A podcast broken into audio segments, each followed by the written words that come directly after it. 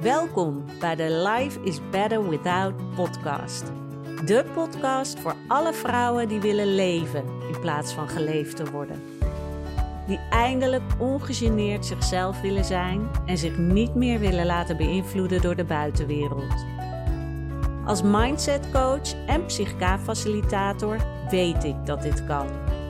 En daarom deel ik in deze podcast al mijn tips en inzichten op het gebied van mindset, zelfliefde, spiritualiteit en het creëren van een leven dat wel past bij de persoon die jij bent. Dus ben jij klaar met al je angsten, onzekerheid en die continue stroom aan negatieve gedachten? Blijf dan luisteren. Want ook jij kan weer genieten en in charge zijn van jouw leven.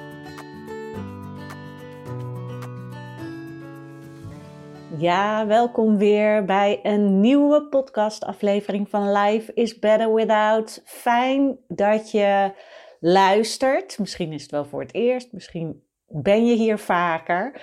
Super fijn dat je er bent. En wie mij volgt op Instagram, uh, Daphne Holthuizen, die heeft wellicht voorbij zien komen in mijn stories dat ik gisteren een summit, uh, deelgeno heb deelgenomen aan een summit sessie van Sarayda Groenhart. En dat was voor het summit Woorden die geld maken. En in mijn story zei ik al wat in die sessie voornamelijk naar voren kwam, is schaamteloosheid. En hoe het uiten van waar je je voor schaamt, of het in ieder geval voor jezelf bewust inzien waar je je voor schaamt, je zoveel vrijheid kan bieden. En dat klinkt misschien raar, want ja, waar je je voor schaamt, wil je natuurlijk liever niet delen met de wereld. En daardoor houdt dus die schaamte jou weg van heel veel dingen. Van je geluk, van je succes, van vrijheid. Want ik denk serieus dat als jij je nergens meer voor hoeft te schamen, dat jij meer vrijheid gaat voelen. En ik zei toen ook in uh, die story, nou, dat ik ook nog wel wat dingen, nou ja, waar ik me voor schaam of waar ik het niet over heb. Het mooie was ook dat in het summit naar voren kwam van, ga eens kijken waar, waar zit die schaamte bij jou? Wat uit je nog niet? Of wat laat je niet zien? Of welke waarheid laat je achterwege? En dat is namelijk waar, zoals zij dan zei, daar blijft het geld achter steken. En daar blijft dus ook je vrijheid achter steken. En waar, om maar meteen met de eerste schaamte van mijn kant te beginnen. Ik vind dit best wel een spannende podcastaflevering, moet ik zeggen. Uh, maar ik ga er gewoon voor en ik zie wel waar het schip strandt hopelijk uh, willen jullie na deze aflevering nog vaker een podcast van me luisteren. Maar zo niet, so be it. Uh, maar waar bij mij de schaamte al begint, is dat ik me had aangemeld voor een summit Woorden die geld maken. En zal je misschien denken, hoezo dan? Maar ik word dus getriggerd door dat woord geld maken. Ik, er zit dus een zekere schaamte in mij dat ik dat wil. En dat komt deels omdat ik, ja, mijn intentie met mijn werk is, ja, dat ik wil zorgen dat vrouwen ongegeneerd zichzelf durven zijn. En dat je zonder belemmeringen kan leven. En blijkbaar zit er bij mij toch nog die overtuiging dat dat niet samen kan gaan met dat ik daar geld aan verdien. Terwijl het is mijn werk, het is niet mijn hobby, al vind ik het heel erg fantastisch om te doen.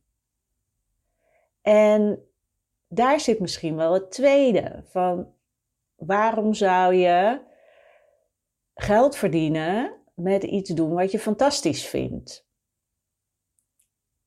En dat is dus interessant. Hè? Als je dan gaat kijken van oké, waar, waar brengt het je naartoe?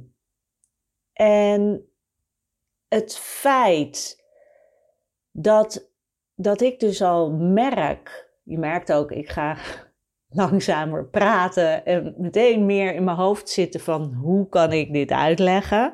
Dat is al natuurlijk een teken van oké, er, er zit daar wat met dat geld maken en als ik het uitspreek, dan gebeurt er ook iets in mijn lichaam van een soort van dat gevoel.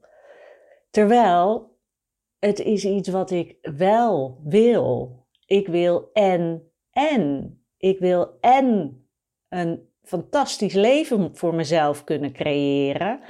En dat wil ik doen door jou als vrouw te kunnen helpen om ook ongegeneerd te gaan voor wat jij diep van binnen echt wil, zonder schaamte. En daarom is het belangrijk dat je er vooruit durft te komen.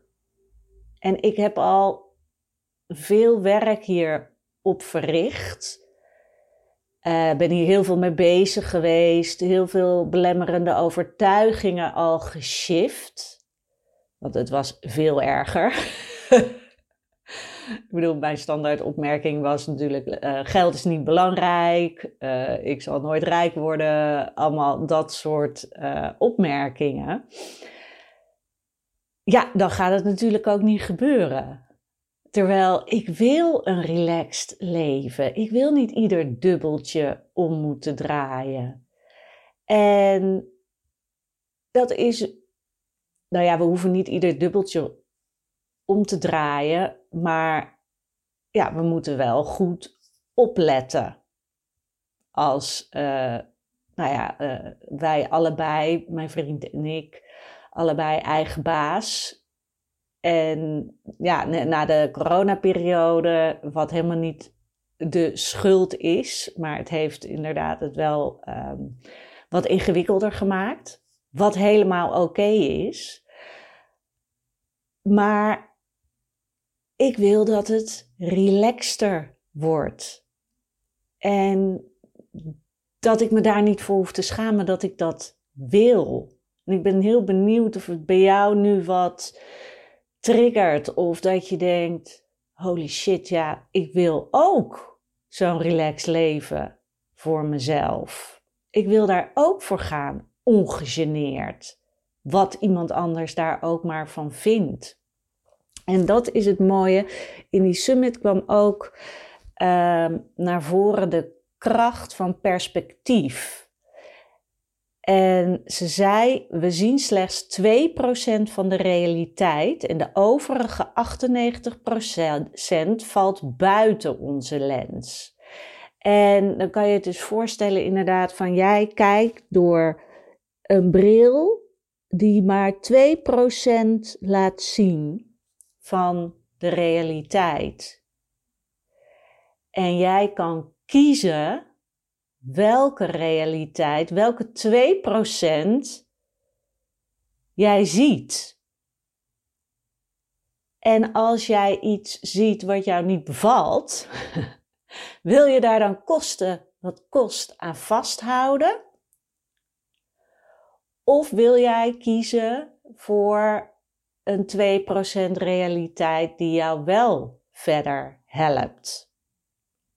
En dat klinkt natuurlijk heel makkelijk, alsof je opzij kijkt en oh, daar is een andere 2%. Tuurlijk is dat niet zo makkelijk. Maar het is wel belangrijk om je te beseffen dat dit het geval is.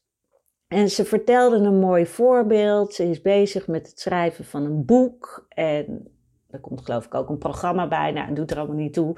Ze heeft een uh, belangrijk journalist uit Londen volgens mij gevraagd om daar aan mee te doen. En ze was helemaal excited en staat helemaal 100.000 procent achter, achter het boek wat ze wil gaan schrijven en achter het project. En ze is helemaal blij.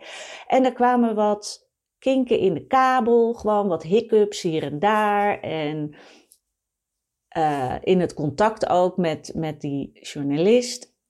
En ineens shifte ze haar 2% van ik ben super blij dat hij het gaat doen en hij wil dit en dit wordt een fantastisch project. Shifte haar bril naar door, door die paar hiccups uh, die er waren. Shifte haar bril, als het ware, zo noem ik het maar even, haar lens naar de 2% met twijfels. En dan twijfels over, oh, misschien is dit wel een teken dat hij het, dat hij het niet uh, interessant vindt. En hij heeft natuurlijk veel interessanter werk dan dat hij met mij dit moet gaan doen. En misschien wil hij dit wel helemaal niet. En ze vertelde dus zelfs dat ze had gebeld naar hem en ingesproken.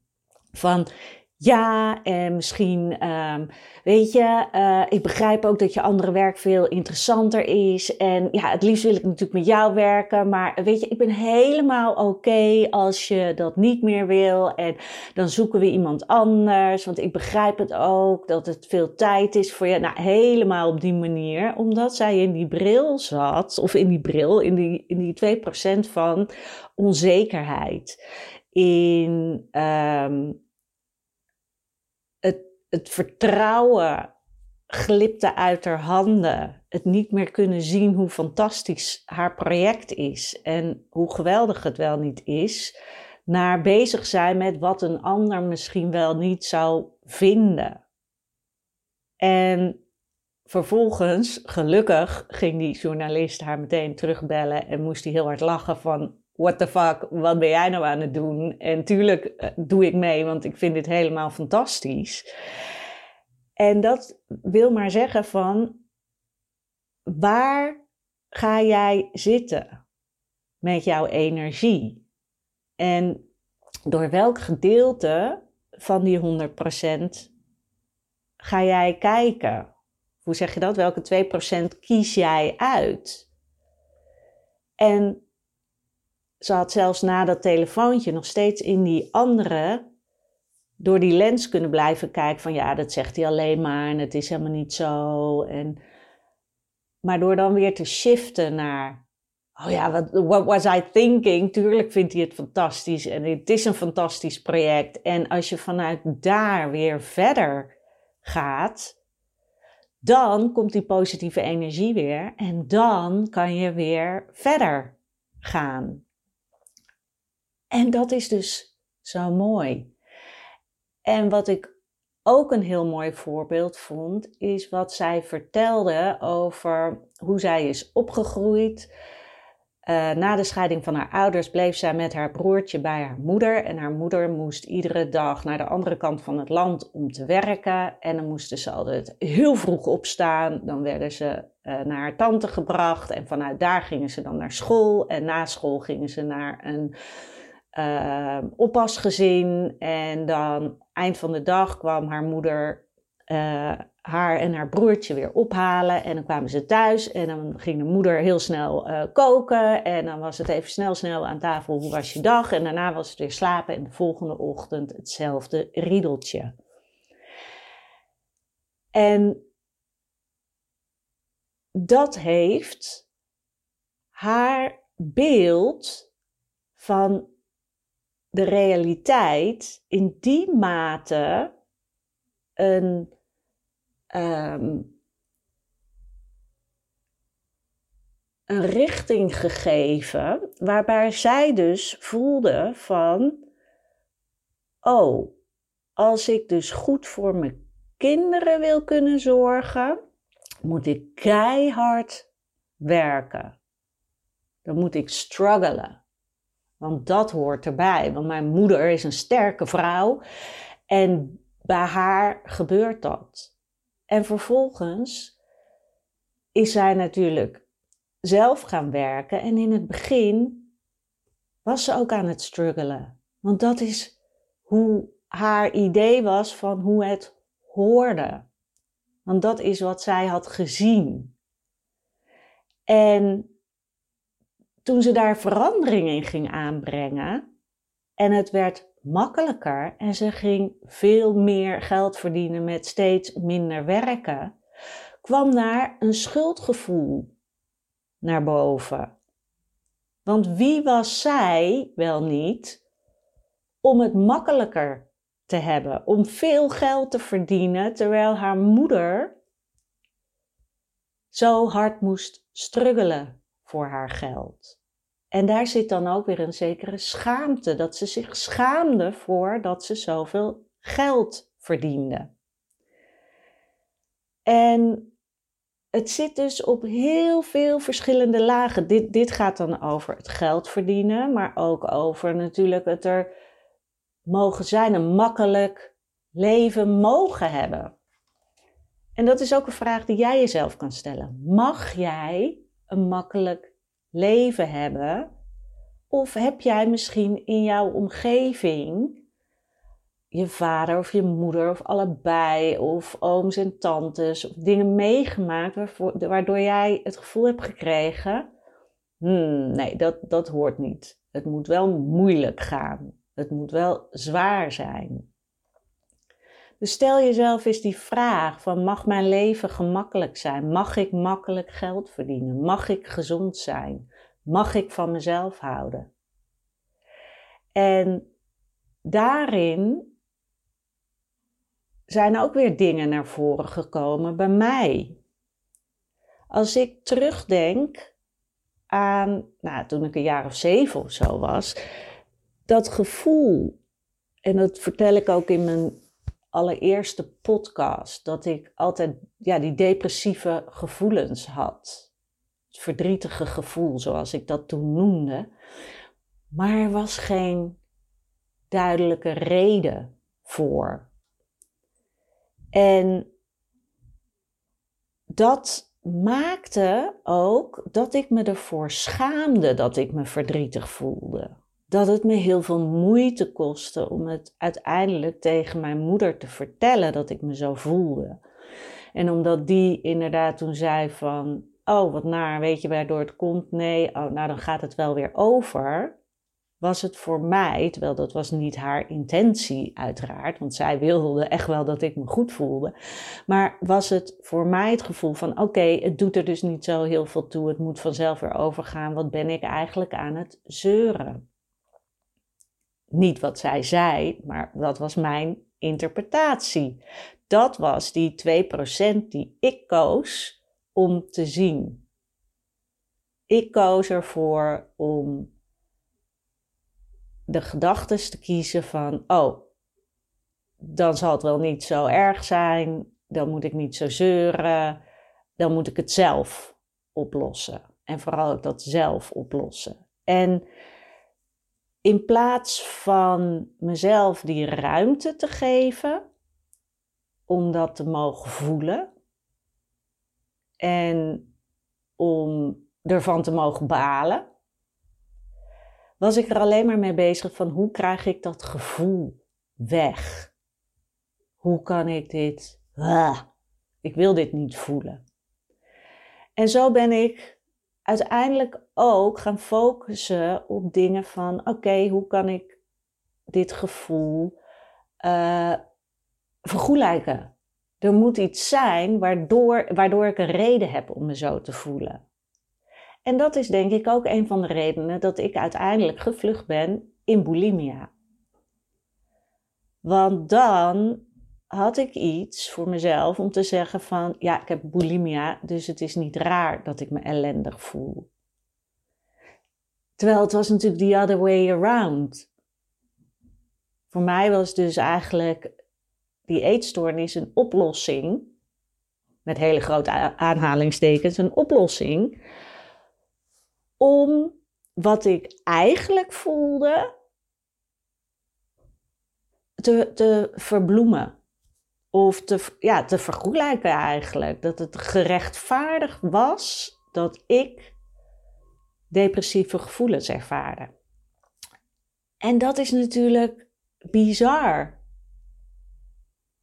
Dat we zo ontzettend uit de weg gaan wat we eigenlijk voelen. En dat gebeurt dus ook met schaamte. Weet je, dat je bijvoorbeeld niet. Ik, ik durfde vroeger echt niet te zeggen, of vroeger, uh, twee jaar geleden, uh, bij wijze van spreken, uh, dat, dat ik graag coach wilde worden. Want wie was ik om dat te willen doen? Wie was ik om te zeggen dat ik anderen zou kunnen begeleiden daarin? Ook al wist ik diep van binnen dat dat echt iets is wat ik kan. Maar toch koos ik ervoor om telkens die stemmetjes, die gedachten van, ja, wat zullen mensen wel niet denken? Die gaan je uitlachen of die gaan denken, ach, dat kind, die denkt dat ze dat kan. En door telkens over zo'n hobbel heen te gaan en, en het te voelen in je lijf en het er te laten zijn en dat is natuurlijk zo'n verschrikkelijk woord, want vaak denk je, ja, hoe dan? Hoe moet ik het er laten zijn? Nou, dat is dus door er echt doorheen te gaan. Dat op het moment dat jij je ongemakkelijk gaat voelen, dat is pas het begin, dan mag je even door. In plaats van weg te rennen. Dan mag je als het ware stil blijven zitten en blijven voelen wat er gebeurt. Want als je dat gaat doen, zal je voelen dat langzaam dat gevoel, dat ongemakkelijke gevoel, minder gaat worden. Eerst wordt het uh, heftiger en daarna wordt het minder en wordt het normaler wat jij diep van binnen echt wil. Maar we rennen er altijd te vroeg van weg. En dat is dus wat je niet wil als jij een ander leven voor jezelf wenst. Het gaat er dus om van durf je ervoor uit te komen wat je echt wil. Net zoals dat ik inderdaad nu ervoor uitkom, ik heb dit summit gedaan, wat ging over meer geld kunnen verdienen. En het meest fantastische wat ik eruit heb gehaald is dus inderdaad dat schaamte je zo erg tegenhoudt. En door het erover te hebben, kan je dat openbreken. En dat is wat je wil. En wat wellicht ook een goede graadmeter kan zijn, is bijvoorbeeld als je iets. Ik weet nog heel goed. Ik moest uh, ook voor mijn. Uh, uh, om in therapie te kunnen, eh, toen ik mijn eetstoornis had, moest ik het aan mijn familie vertellen. Nou, ik vond dat echt verschrikkelijk. En wat ook nog zo is, toen ik het eenmaal had verteld, was het niet echt een opluchting. Het was niet wat ik had gehoopt te vinden. En wat wellicht de mensen van wie ik het moest vertellen, uh, hadden gehoopt dat het voor mij zou veranderen. En bij mij komt dat natuurlijk ook omdat het niet die eetstoornis uiteindelijk was. Ja, daar schaamde ik me ook enorm voor. Dus het was schaamte op schaamte op schaamte. Maar het was geen opluchting, omdat het er eigenlijk om ging van ik schamen voor dat ik me zo rot voel, terwijl met mij is er eigenlijk niks aan de hand. Ik was vroeger ook, zeg maar, het kind waar niet zoveel mee aan de hand was. Mijn zus is vroeger uh, ziek geweest. Ze is geboren met een long die niet werkte of niet goed werkte. En die is uiteindelijk weggehaald. Dus er was inderdaad, zij lag vaak in het ziekenhuis. En dat heeft grote indruk op mij gemaakt.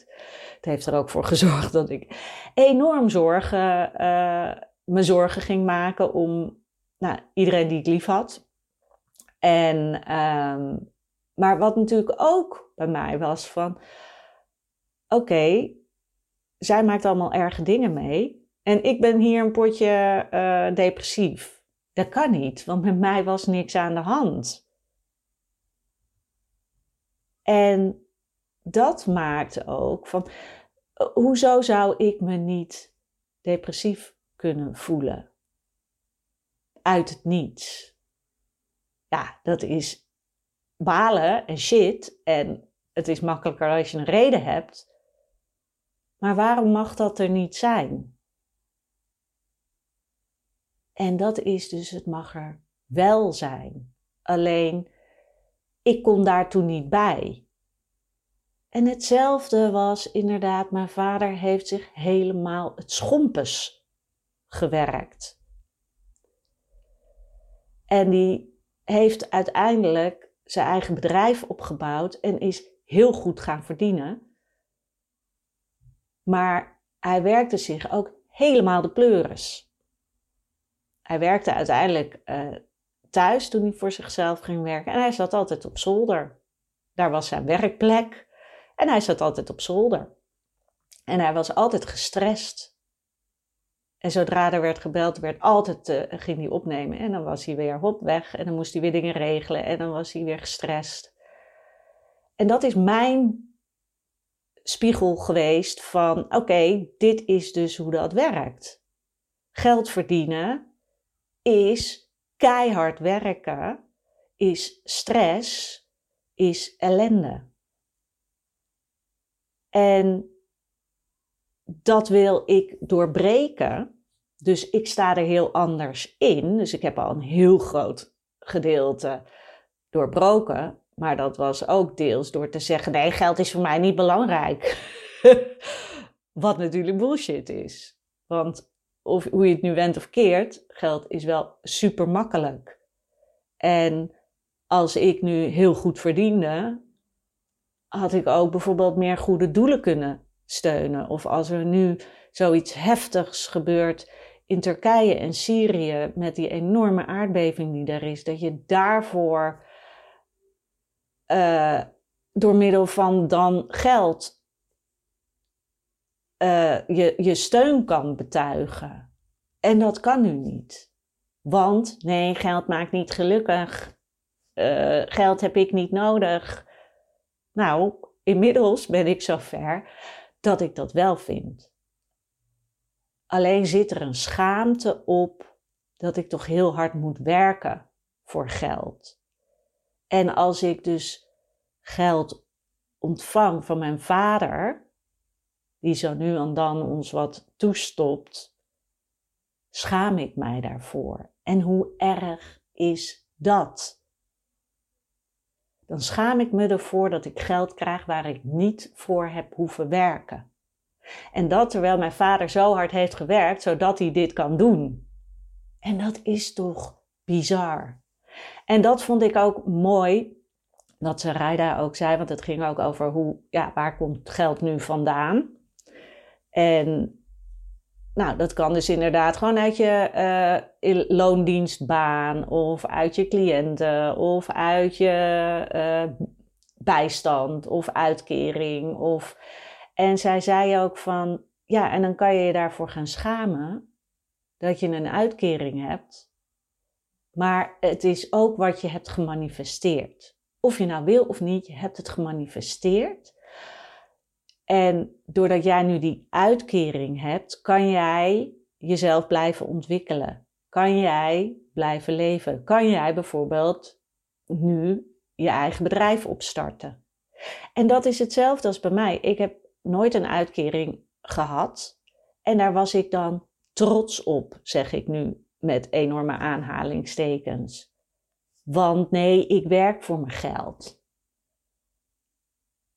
Terwijl de keren dat ik aan grond zat, was het wel dat ik zonder ook maar mijn hand op te hoeven houden, dat mijn vader me ineens wat toestopte. En hoe erg is dat dan dat ik me daarvoor schaam?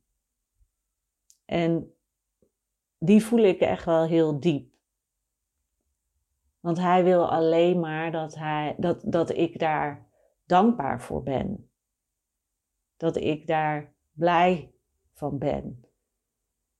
Want het is toch niet fijn als je iemand wat geeft en diegene schaamt zich ervoor. En dat is ook niet wat ik tegen mijn vader zeg, uiteraard. Of hij moet die podcast nu luisteren. Sorry, pap. Maar ik zie gewoon hoe hard hij heeft gewerkt. En dat zit er dan zo in. Hij heeft zo hard daarvoor gewerkt. En ik wil dat hij ervan geniet. En hij wil dat zijn kinderen ook een fijn leven hebben. En dat is dus wat ik ook wil. Ik wil ook dat ik Pina de wereld kan geven. Zonder er overdreven te moeten verwennen of zo, maar wel dat als het nodig is, dat ze ons heeft om op terug te vallen. Want dat is het allerfijnste gevoel wat je iemand kan geven. Dat je er bent als een soort backup van ga je leven maar doen.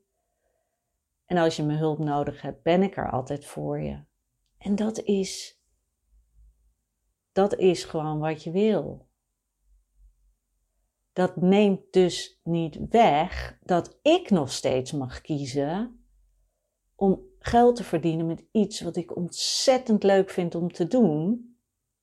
En waarbij ik niet alleen maar gestrest ben en 24/7 aan het werk hoef te zijn. En werk waarbij ik ook nog dingen kan doen als podcast opnemen, waarmee ik gewoon gratis dingen geef aan mensen. Nou, ik hoop in ieder geval dat je er wat hebt aan deze podcast. En dan heb ik inderdaad ook nog mijn moeder, mijn lieve moeder, die altijd zo streng was voor zichzelf. En die, ja, die, nou, daar was zelfliefde ook ver te zoeken. En ze vond zichzelf altijd lelijk en dik. En, en ze was altijd druk. En nou, ga zo maar door. En door ook dat voorbeeld te hebben, heeft het voor mij ook echt wel moeite gekost om te leren om van mezelf te mogen houden. Want ik dacht ook, ja, hallo, dat kan ik toch niet maken? Wie ben ik om van mezelf te houden? Want ik had een ander voorbeeld. En ik wil niet dat mijn moeder zich daardoor uh, ondergeschikt voelt. Of iets in die richting. Wat natuurlijk ook weer onzin is, want zij wil dat ik van mezelf hou. Zij wil dat ik gelukkig ben. En daarin houden we vaak dingen in stand. Door over te nemen wat onze ouders hebben gedaan. Of onze opa en oma. En door dat in stand te houden, blijft het iedere keer weer doorgaan in dat familiesysteem. En pas als jij besluit: oké, ik vind dit rete spannend. En er zit schaamte. En er zit angst. Maar ik ga daar doorheen, want ik ga een verandering maken in dit systeem, zodat het wordt doorbroken en vanaf hier weer een nieuwe lijn ingezet kan worden. Dat is wat je hier wil doen. Want dan maak je het voor jezelf beter en voor generaties na jou. En zo mag je het zien.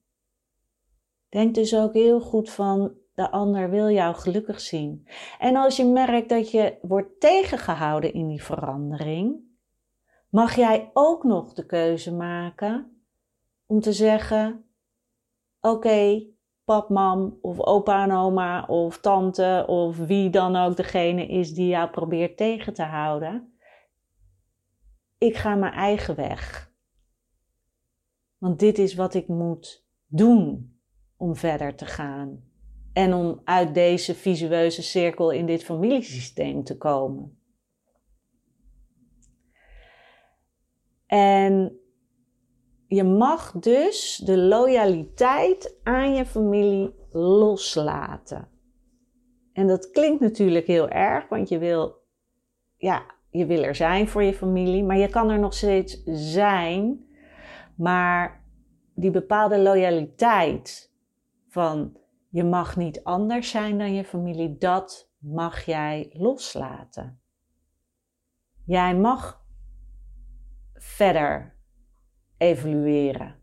Jij mag het anders doen. Jij mag je eigen weg gaan. Maar dan moet je daar wel voor uit durven komen.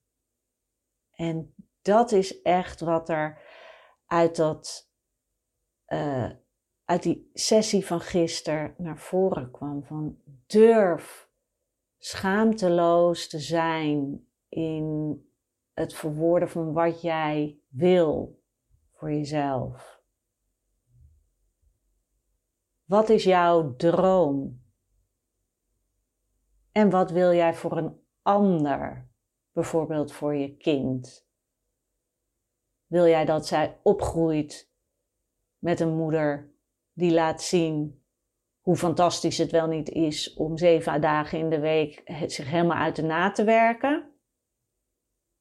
en maar net rond te kunnen komen? Of wil jij laten zien dat je kan doen wat je leuk vindt, met normale uren werk en een goed salaris verdienen? En tuurlijk, dit is niet zo makkelijk en ik ben daar ook nog helemaal niet, maar dit is wel wat ik wil. Dat laatste dus. Niet dat me helemaal uit de naad werken. En de eerste stap is dus dat durven toegeven. En dus bij jezelf ook heel erg uh, bekijken van, oké, door welke lens bekijk jij de wereld? Ik zal nog één voorbeeld geven wat naar voren kwam gisteren in het summit. Uh, vertelde over dat ze de afgelopen weken, en daar schaamde ze zich eigenlijk ook een beetje voor, en ook weer niet, uh, bijna 13.000 gulden had uitgegeven aan designers items. En ik weet zeker dat ik vroeger echt had gehad, wat een onzin en dat ga je toch niet doen en uh, nou, dat je daar geld aan uitgeeft. En nu dacht ik alleen maar, good for you. Maar wat het interessante was, ze kreeg ook een uh, opmerking van iemand en die had in de chat gezegd van, hoe zou ik 13.000 euro uit kunnen geven aan designerdingen terwijl er kinderen omkomen van de honger? En dat was een hele goede die naar voren kwam, omdat ik denk dat heel veel mensen op die manier um, naar de realiteit kijken. Want inderdaad, hoe kan jij nou genieten als er mensen uh, op dit moment in Turkije en Syrië familieleden zijn verloren in een aardbeving. Of inderdaad, er zijn mensen die honger lijden of die in een oorlog zitten. Dat is ook heel erg. Alleen vraag jezelf af: is het dat gedeelte wat jij wil zien? Want helpt dat mee om het voor die mensen makkelijker te maken?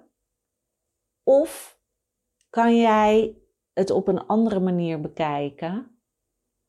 En kan ik op een andere manier bijdragen aan een mooiere wereld? En dat is, denk ik, dat, dat is zo spot on. Van je kan kijken ver weg en hoe erg het allemaal wel niet is in de wereld. Maar je kan ook kijken hoe kan ik in mijn omgeving het al beter maken, zodat ik mijn kind of kinderen of uh, vrienden of andermans kinderen door kan geven hoe het ook kan. Die een beter leven, een beter voorbeeld geven van hoe het kan, zodat zij dat weer kunnen en dat daardoor een ripple effect ontstaat. Zodat daar een positieve olievlek uh, ontstaat van positiviteit, waardoor mensen het beter krijgen, waardoor mensen beter voor zichzelf kunnen zorgen. En dat is dus de vraag. En ja, het kan heel goed dat jij nu denkt, ja, wat een bullshit. Um, dat kan gewoon niet, want uh, ik, ik voel zoveel voor die mensen uh, die het moeilijk hebben. En dat is heel nobel van je. Alleen wat hebben, oh, ik hoop dat je nog hoort, ik zat volgens mij aan mijn microfoontje. Uh, wat hebben zij daaraan dat jij, het heel, dat jij zo nobel bent? En wat heb jij daaraan? Behalve dan dat jij jezelf voorhoudt, dat jij alleen een goed mens kan zijn. Als jij je niet goed voelt, als iemand anders zich ook niet goed voelt. Of als er iets ergs gebeurt met iemand anders. En dat is er echt een, hè? want als jij nu nog daar heel erg in zit, is het heel moeilijk om in één keer die shift te maken, maar het is mogelijk. Vroeger als kind, en er ik weet het nog heel goed, er was de Bijlmerramp. Ik weet niet voor wie het zich kan herinneren, maar in de Bijlmer vloog een vliegtuig in um, twee flats daar, of zo, die in een hoek stonden. En nou, het was verschrikkelijk. En ik zat daar zo verschrikkelijk mee. Ik ging me helemaal in, echt inleven in hoe dat was voor die mensen die daar woonden. En de mensen die uh, hun huis waren verloren en die dat hebben moeten meemaken en hebben moeten zien en mensen hebben verloren. En ik, ik, ik dook echt in die gebeurtenis. Terwijl ik stond er los van. In die zin, ik kende daar niemand, maar het had me zo enorm aange. Ik, ik trok het me zo enorm aan dat ik weken van de leg was. En wie heeft daar iets aan gehad? Ik niet, de mensen in de Bijlmer niet. Weet je, heeft dat zin? En toch iedere keer weer als er dan zoiets gebeurde, vond ik dat ik dat moest doen. En dat heb ik niet meer. En dan kan je denken, nou dan ben je wel een uh, coole kikker geworden. Uh, ja, als je het zo wil bekijken, misschien wel. Maar ik heb er ook iets minder last van. En ik kan er dus voor kiezen om er wel weer lasten van krijgen. Omdat ik me dan weer heel erg in die gebeurtenissen erin ga duiken en onderdompelen. En helemaal dat voelen. Of ik kies ervoor, ik zie dat het gebeurt, ik vind het verschrikkelijk. Maar ik kies ervoor om niet mezelf helemaal uh, ten gronde te werpen door wat iemand anders is overkomen. En ja, dat klinkt, kan heel hard klinken. En toch heb ik ervoor gekozen om dat niet meer te willen doen. Dat is mijn keus geweest. En daarin heb jij dus ook keuzes te maken. Wat, waar kies je wel voor wat je wil zien of wat je wil voelen en wat niet. En natuurlijk, het is niet zo zwart-wit. Maar het is ook van wat sta je jezelf toe? En ook dus als je voelt er wringt iets of je durft iets niet te zeggen, want je schaamt je ergens voor. Ga die schaamte doorvoelen. Is het daadwerkelijk echt zo erg? Is het echt zo erg? Of helpt het je om er gewoon open over te zijn. Desnoods door er grappen over te maken. En dan bedoel ik niet dat je aan, aan de ernst van de zaak voorbij hoeft te lopen. Maar soms kan dat helpen om het luchtiger te maken, omdat we in ons hoofd dingen waar we ons voor schamen ook heel erg kunnen maken. En als je dan dus eenmaal door hebt van oké, waar schaam je je voor? Kan je dus ook weer gaan kijken, oké, welke overtuigingen zitten daar dus achter? Want schaamte komt voort uit een overtuiging. De schaamte bijvoorbeeld, uh, vroeger schaamde ik me ook heel erg dat ik eigenlijk nooit echt een relatie had. Omdat ik altijd mannen tegenkwam die, uh, ja, die zich vooral niet wilden binden. En ik was daar ook redelijk verbitterd over, moet ik wel zeggen. Waar ik me natuurlijk ook voor schaam. Zo, nou, ik gooi wel alles uh, open deze podcast. Uh, maar ook het feit dat ik, ja, dat ik blijkbaar niet dat, die bril, dat had ik mezelf dus verteld, dat ik blijkbaar niet leuk genoeg was, was voor een man. Wat natuurlijk onzin is. Ik zat alleen op de frequentie van mensen aantrekken die um, er niet helemaal voor gingen. En dat ik me daarvoor schaamde, is ook omdat ik de overtuiging had nou, als je zo rond je achttiende bent, dan krijg je toch wel je vaste relatie. En dan is er zeker iemand die van je gaat houden. En uh, dan uh, um, stel je wat voor als je een relatie hebt. Dan ben je succesvol. Dan ben je geliefd. Dan ben je leuk. Dan ben je knap. Dan ben je aardig. Dan ben je alles als je een relatie hebt. Dat was mijn overtuiging. En dat is dus heel goed bij alles waarbij je voor schaamt. Kijk, oké, welke overtuiging zit er dan achter dat jij die schaamte hebt ontwikkeld? Want als je die overtuiging hebt gevonden, kan je ermee aan de slag. En dat is wat ik bij mezelf ook continu aan het doen ben. En ja, dat is dus ook wat ik uh, nou, bijvoorbeeld met jou of met, uh, met uh, klanten die ik nu al heb aan het doen ben. Van kijken welke overtuigingen heb je, waardoor jij wordt tegengehouden om een fijn leven te leiden, om dat succes te hebben, om die vrijheid te ervaren. Dus als je samen met mij op zoek wil gaan naar de dingen waar je je voor schaamt, ook die verder weg zitten gestopt.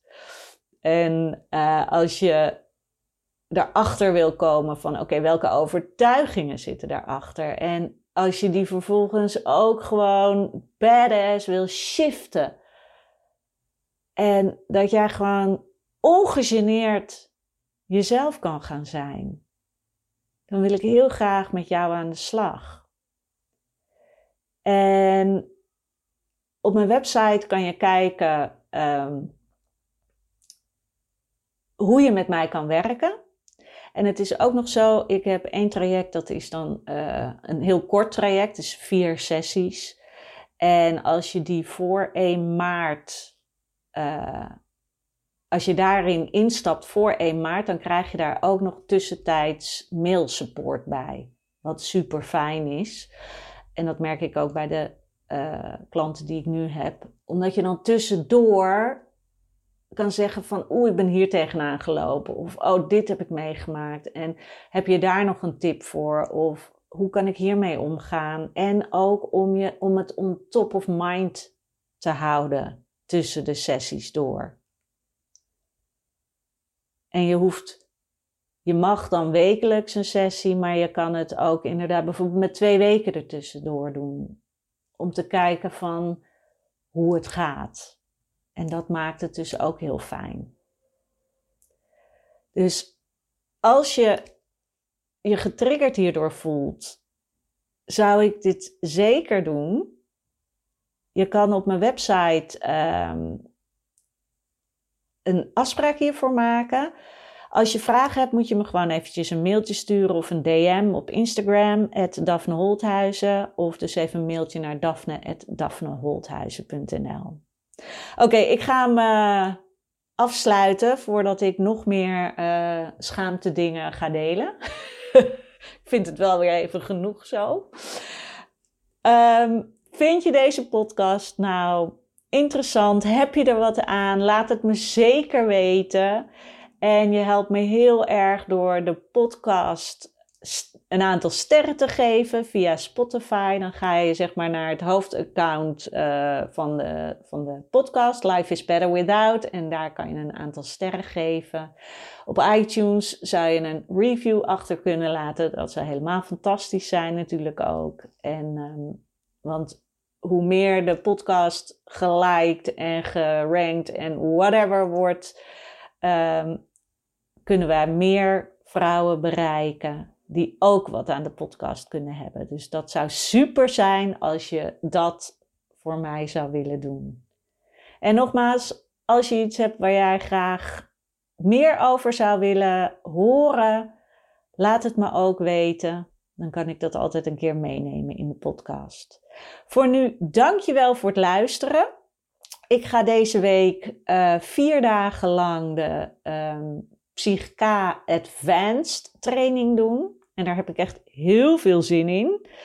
Als je nou denkt, Psychka, what the, dan moet je even op mijn website kijken. Dat is een methode waar ik mee werk en um, die is fantastisch. En daar ga ik dus uh, ja, de komende vier dagen weer helemaal me verder in verdiepen. Dus daar heb ik echt heel erg veel zin in.